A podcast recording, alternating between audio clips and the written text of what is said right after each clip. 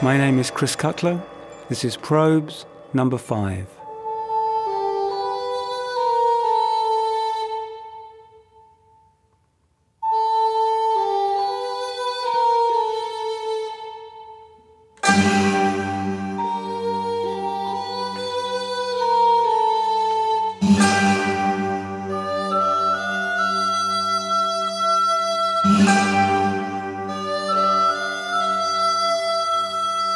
The gradual shift from pitch to timbre and the slow incorporation of noise into formal composition took many paths.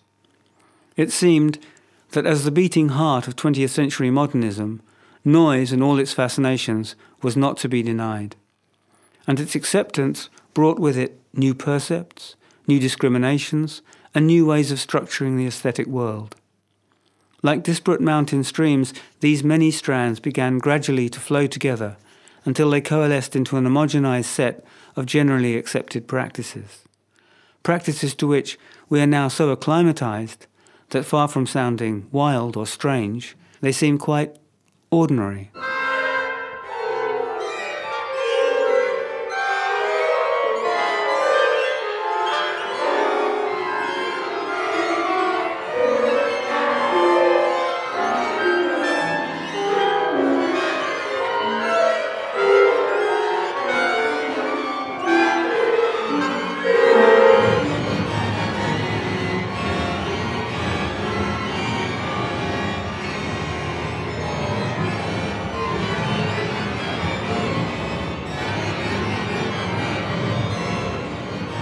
So, first, let's separate the strands.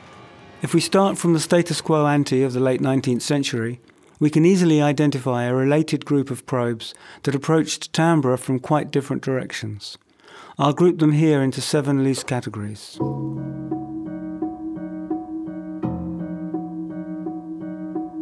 First was the physical modification or the preparation of existing instruments.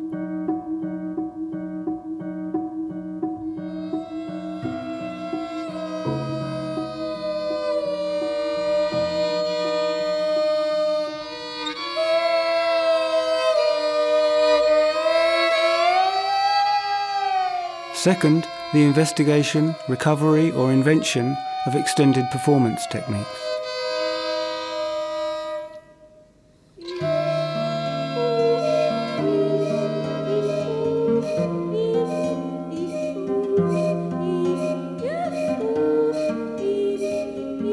Third, the acceptance and incorporation into new music of instruments belonging to other times or other cultures.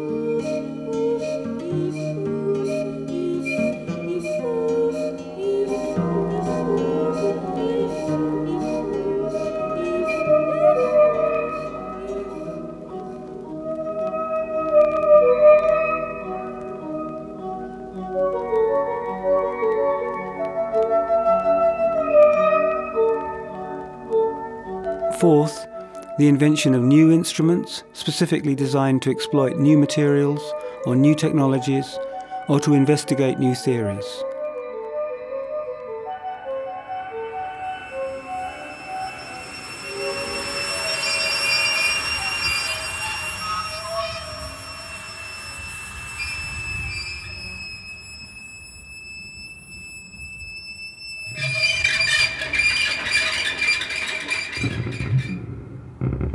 Fifth, the introduction of intentionally non musical sounds or non musical objects into aesthetic listening contexts.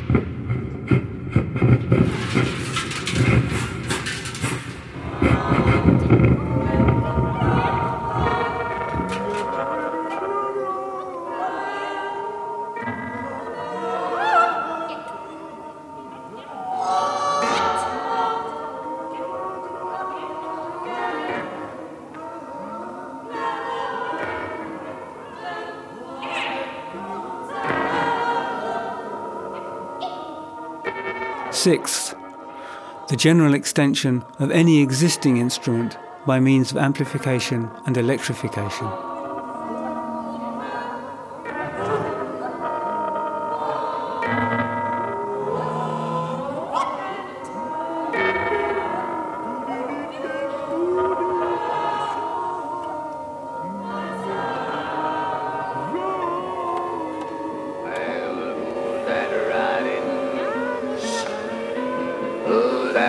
Riding. Who's that riding? Hey, book the seven. Tell me what's John riding? What's John riding? And finally, the profound and revolutionary fact of sound recording, which for the first time gave timbre, which is to say, the irreducible quality of a sound, both universality and permanence. All of these elements have appeared and continue to appear in an effectively infinite variety of combinations and permutations. So, in the next few programs, we'll have to race through what can only be a very broad and sketchy overview, highlights that focus on the earliest, the most influential, or the most extreme. We'll start with physical modifications and preparations. But before we do, I have to introduce the first important caveat. I don't want to give the impression here that all the rule books were thrown away at the turn of the 20th century so that an entirely new music might be constructed from scratch. That might have been true in one or two cases, Luigi Russolo's, for instance, but for the most part, composers had grown up in a musical tradition for which they had nothing but respect. They'd acquired deep roots and skills, they'd studied hard and mastered complex rules and grammars, and they valued their existing culture's hard won integrity. So these composers wanted not to destroy, but rather to extend and to deepen, indeed, for the most part, I would say, to save and make more relevant the inherited eloquence of music.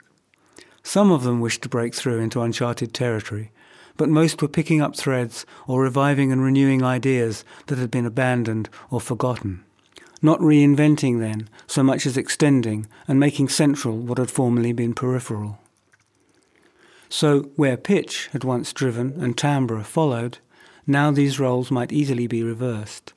And in a similar way, techniques that had been used earlier only in great moderation, to exotic or expressive effect, now became ubiquitous and functional. Let's begin as we always do with the workhorse of art music, the piano.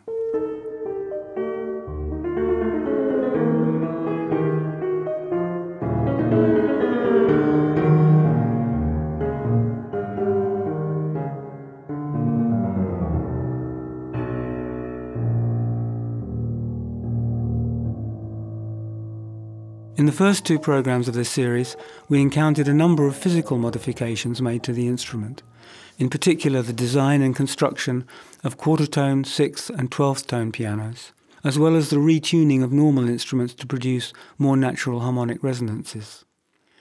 These were all probes launched into tonal space. Now we're going to look at some preparations that address the more vexed question of timbral space.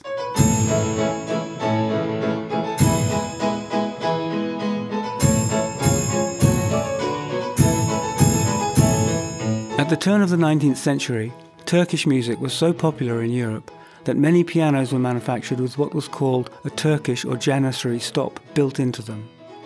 This was a dedicated pedal that would ring a bell or make a padded hammer strike a soundboard to imitate the sound of a bass drum.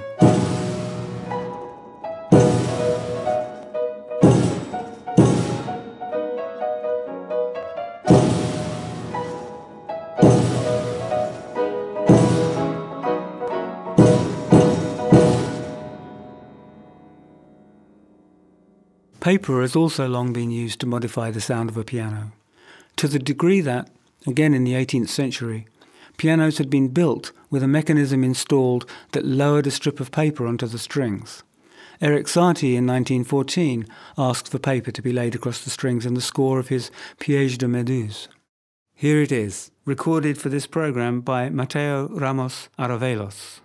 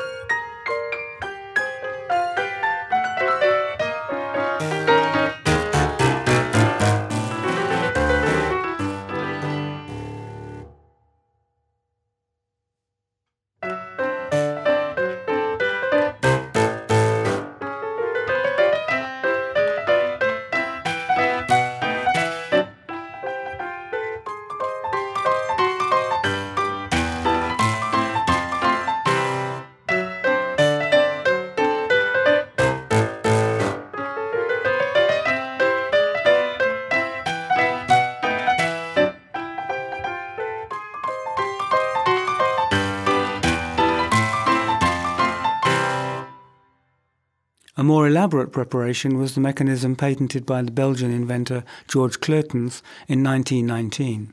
He called it a lutheal, and it was a rack of rather complicated iron machinery designed to be slotted inside a piano to act directly on the strings. It had four stops that lowered four different preparations named after the sounds they created. This is the cymbalom.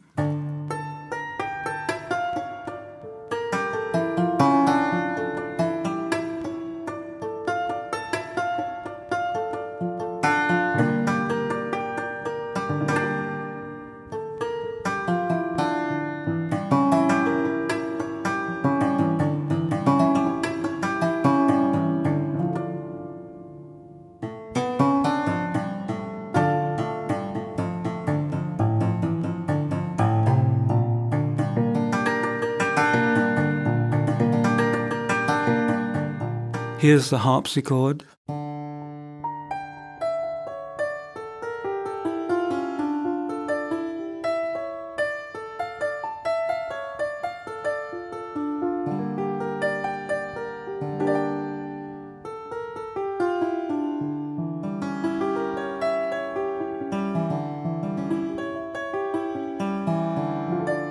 And this is the harp or lute.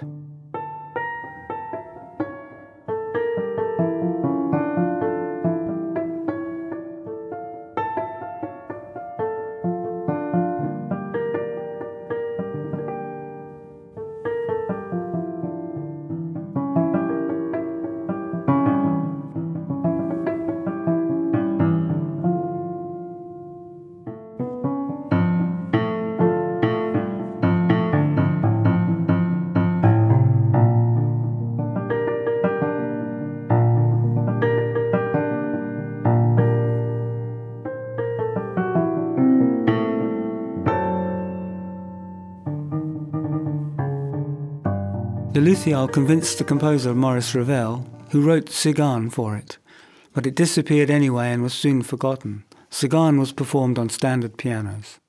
Then, in the second half of the 1970s, the violinist Theo Olof tracked down some rusting metal in the storeroom of the Brussels Conservatory that had once, he was told, been a lutheal. He visited the conservatory with the instrument restorer Evert Snell and obtained permission to rebuild it, a work that was finally completed in 1979. I couldn't find Olof's 1980 recording of Tzigane, but here's one made more recently by Daniel Hope and Sebastian Knauer. I have to warn you that after a lifetime of listening to recorded pianos, many of which have been adjusted or electronically processed to produce often quite unrealistic sounds, this rather simple mechanical preparation no longer has much power to surprise.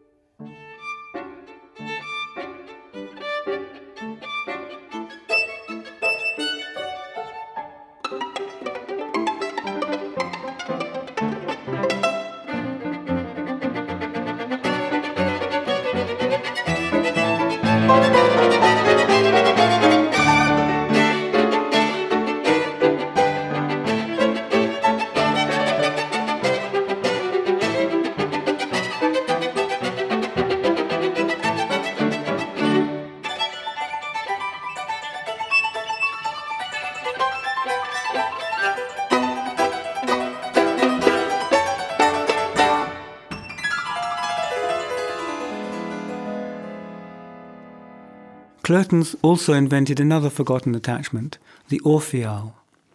This was a keyboard instrument that could be played in its own right or mounted inside a grand piano. The musicologist Curt Sachs described it as a combination of grand piano, organ, and harmonium, and it could be rigged to simulate cellos and horns, as well as various keyboards. Ravel, again, arranged his Petit Poucet from Mother Goose for it, but the Orpheal, like the Lutheal, never really caught on, and no one has ever restored one, so no working model exists. Finally, I have to mention the extraordinary Choralcelo. This vast extension of the piano was invented in Boston in the first years of the 20th century by Melvin Severy and George Sinclair.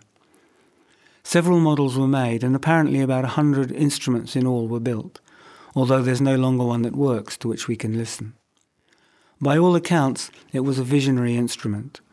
Starting from a standard piano, Severy and Sinclair mounted magnets behind every string feeding them with precisely timed pulses of DC current that coincided with the natural periodicity of the string. So, if an A string were tuned to 440, then 440 electrical pulses per second would be fed to its magnet, causing the string to vibrate without being struck or plucked and producing an ethereal, sustained, bell like tone. The Choralcelo was a vast undertaking, in both design and construction, since every individual note had to have its own mechanism, and each electrical pulse had to be calibrated perfectly, or its note just wouldn't sound or sustain. The first model could be played normally, with the hammers striking the strings, or it could be played using both hammers and magnets, or just with the magnets. The second, more elaborate version added another keyboard, which controlled not strings but resonating strips of steel, wood, aluminium, or glass.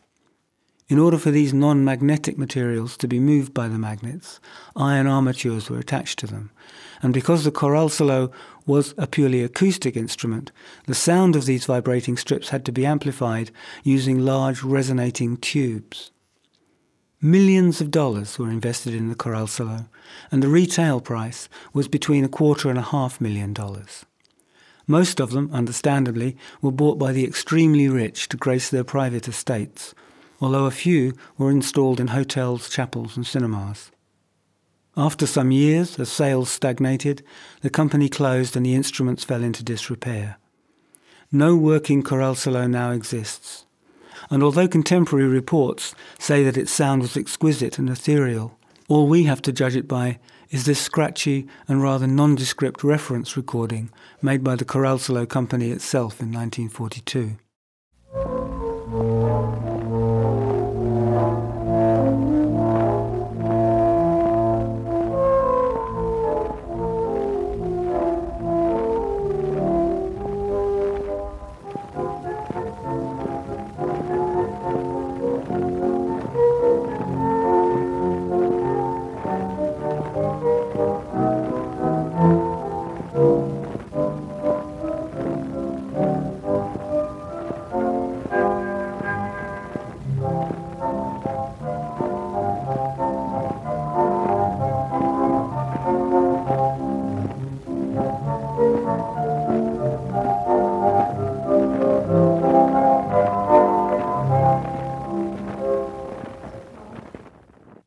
Back in the world of popular music, somewhat simpler preparations were employed. Here's one with which we're all familiar the sound of drawing pins driven into the hammer felt. This is Russ Conway playing Snow Coach, which was one of a string of hits he had in the late 1950s.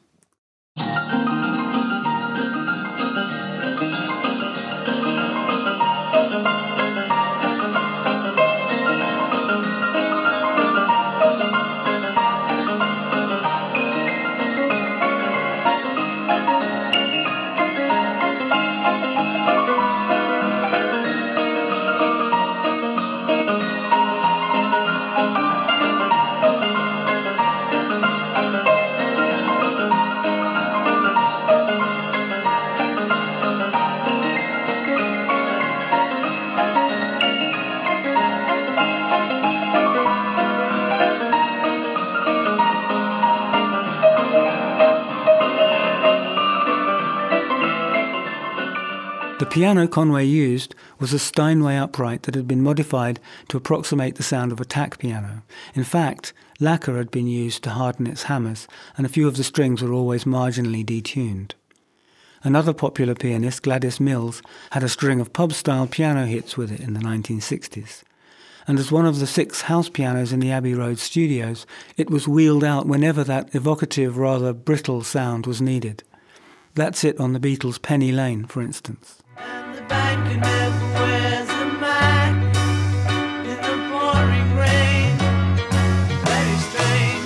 On a slightly different mission, Glenn Gould had a Steinway fitted with metal T-pins. He called it a harpsipiano. The idea was to approximate the tone quality of a harpsichord, but with the sound power that could compete with a modern orchestra. Because its strings are plucked like a guitar and not struck like a pianoforte, real harpsichords are rather quiet. And since the plucking mechanism doesn't respond to variations in finger pressure, a real harpsichord is incapable of dynamic variation. The harpsipiano was intended to overcome these limitations. I haven't been able to find any commercial recordings Gould made with it, but he does seem to be using it in this unidentified television broadcast, where he's playing the Bach Brandenburg number no. 5.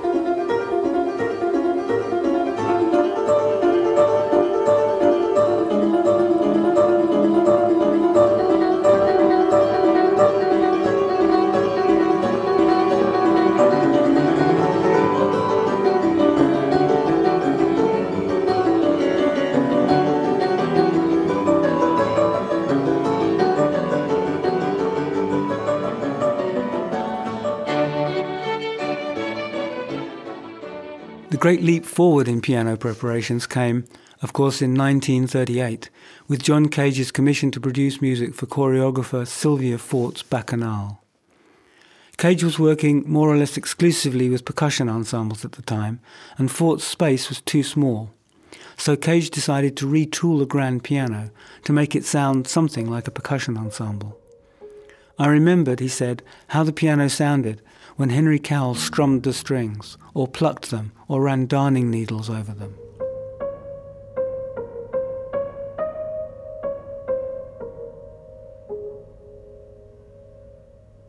I went to the kitchen and I got a pie plate and I put that and a book on the strings. I saw that I was going in the right direction. The only trouble with the pie plate was it bounced, so I got a nail and put that in. Trouble was it slipped, so it dawned on me to wind a screw between the strings, and that was just right. This is And the Earth Shall Bear Again from 1942.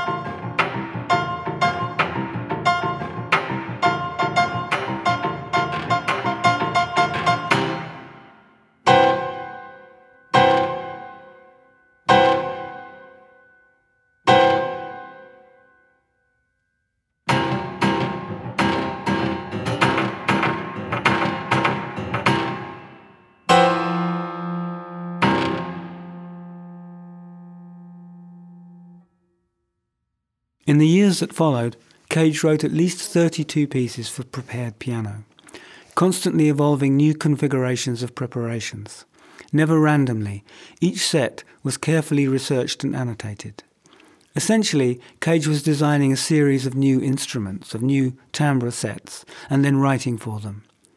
And since the preparation was, to all intents and purposes, the piece, because obviously playing these pieces on a normal piano would be completely pointless, the scores meticulously specified the materials to use and exactly where and how they were to be inserted. Here's Sonata Number no. 9 from the Sonatas and Interludes, written between 1946 and 1948.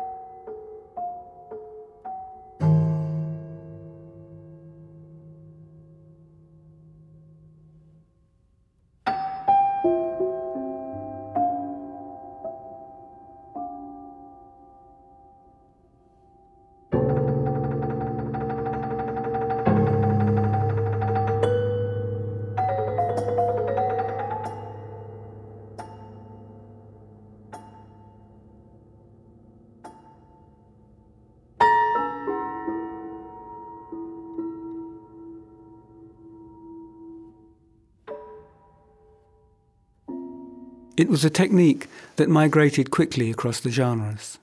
Here, for instance, is Tim Hodgkinson with the British experimental rock band Henry Cow. You'll hear him joined after a while by the guitarist Fred Frith, whose instrument is also prepared with alligator clips fixed to the strings.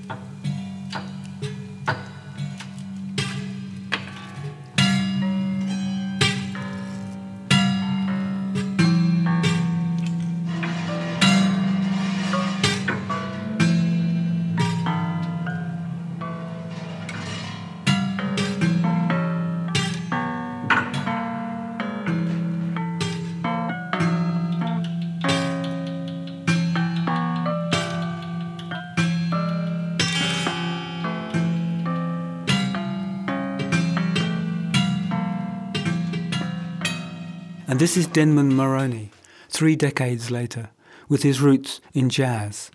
His extended toolkit includes a wide variety of applied materials copper bars, Tibetan prayer bowls, plastic audio cassette boxes, marimba mallets, rubber blocks, wooden dowels, and ebows. This is all acoustic and taken from a live performance.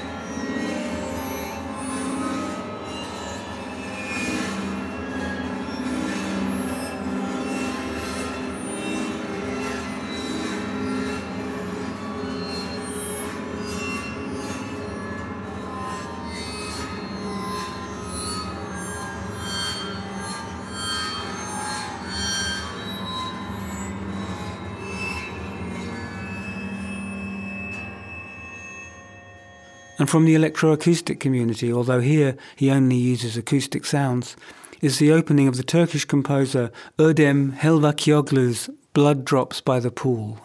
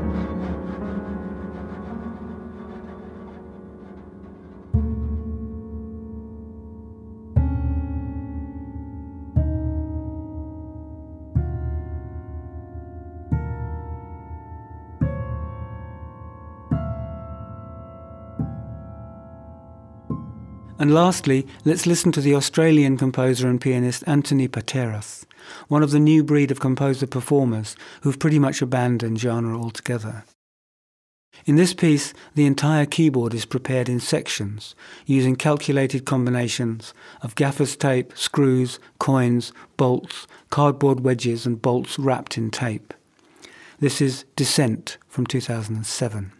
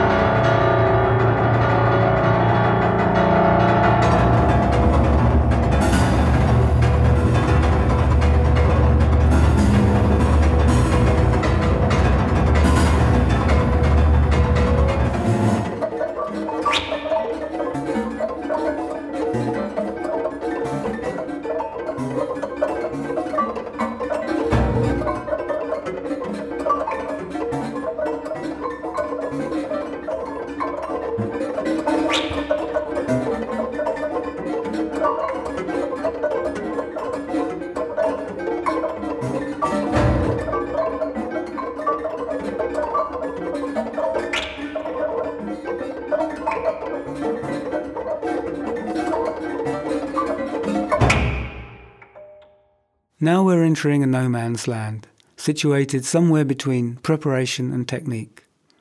This is the Polish composer Zygmunt Krauze's stone music, in which large, rounded stones are placed on and moved across the open strings of a piano. One hand is working the keys, the other the stones.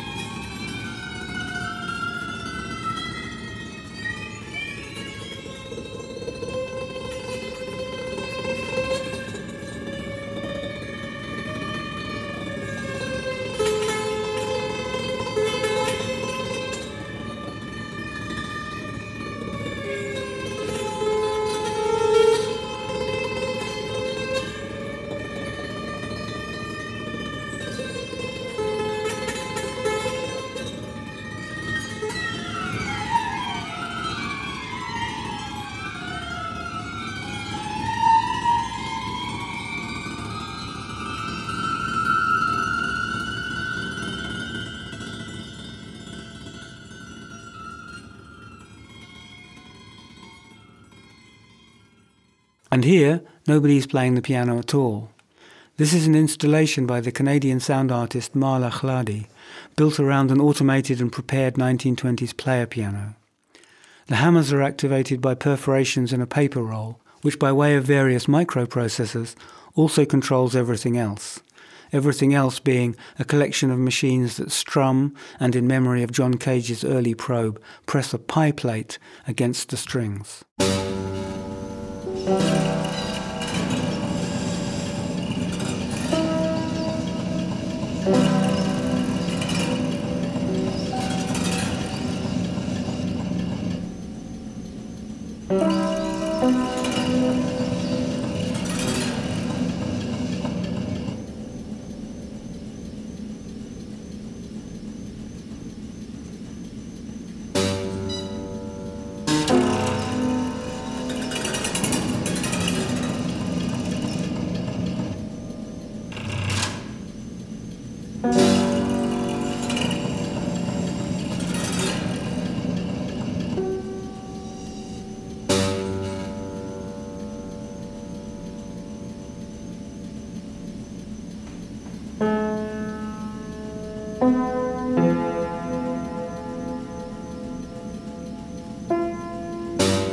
嗯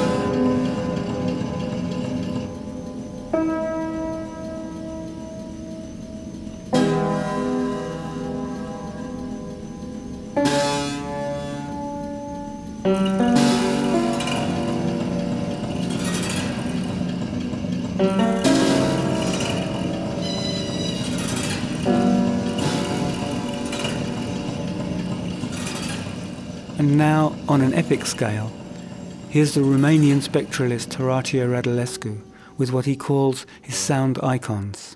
These are grand pianos laid on their sides and played by sliding long threads through the strings. Sound icons appear in a number of Radulescu's compositions in and after the 1970s. The tunings are specific to each individual score, and the how and the where of the bowing is closely specified.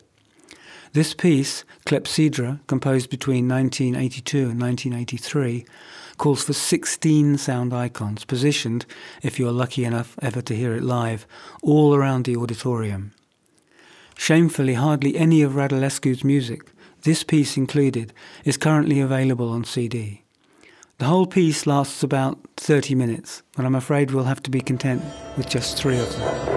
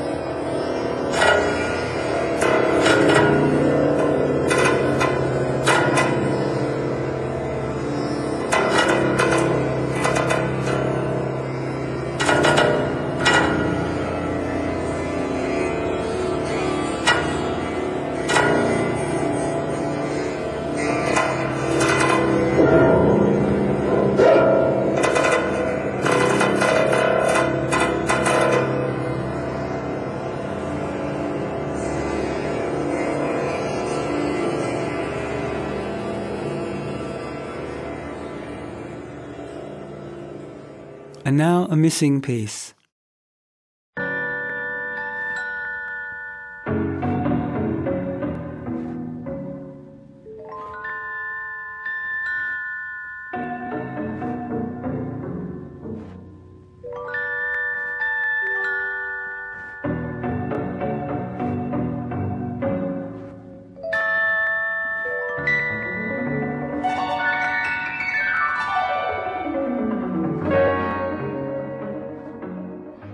Important, but routinely omitted in scholarly articles about piano preparation, perhaps because they're considered too profane by the serious music community, is the easy listening duo of Arthur Ferrante and Louis Teicher. Starting in the late 1940s, Ferrante and Teicher released an avalanche of popular classic and lounge music recordings, amongst which, from the very start, were albums documenting their intense investigation of a vast panoply of preparations. With wads of paper, sticks, rubber, masonite, string, cardboard wedges, and sandpaper, they created mini Cajun orchestras. They called them weird effects.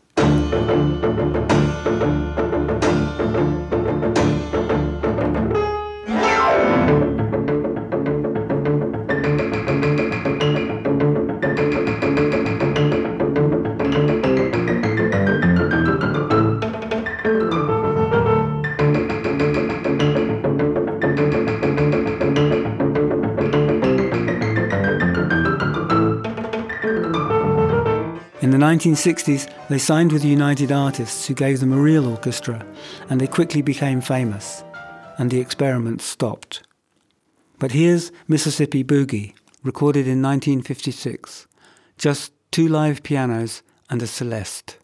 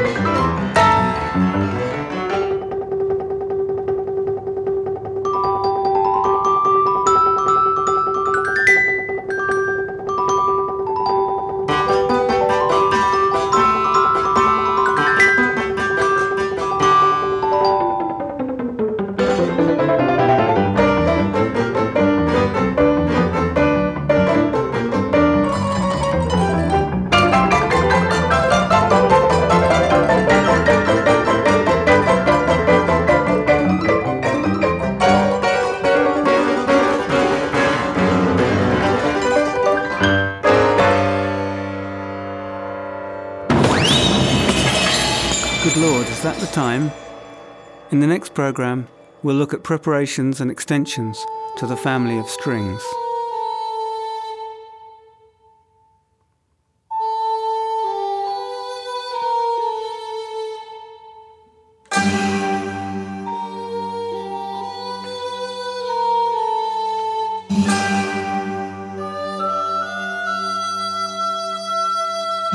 I'm Chris Cutler.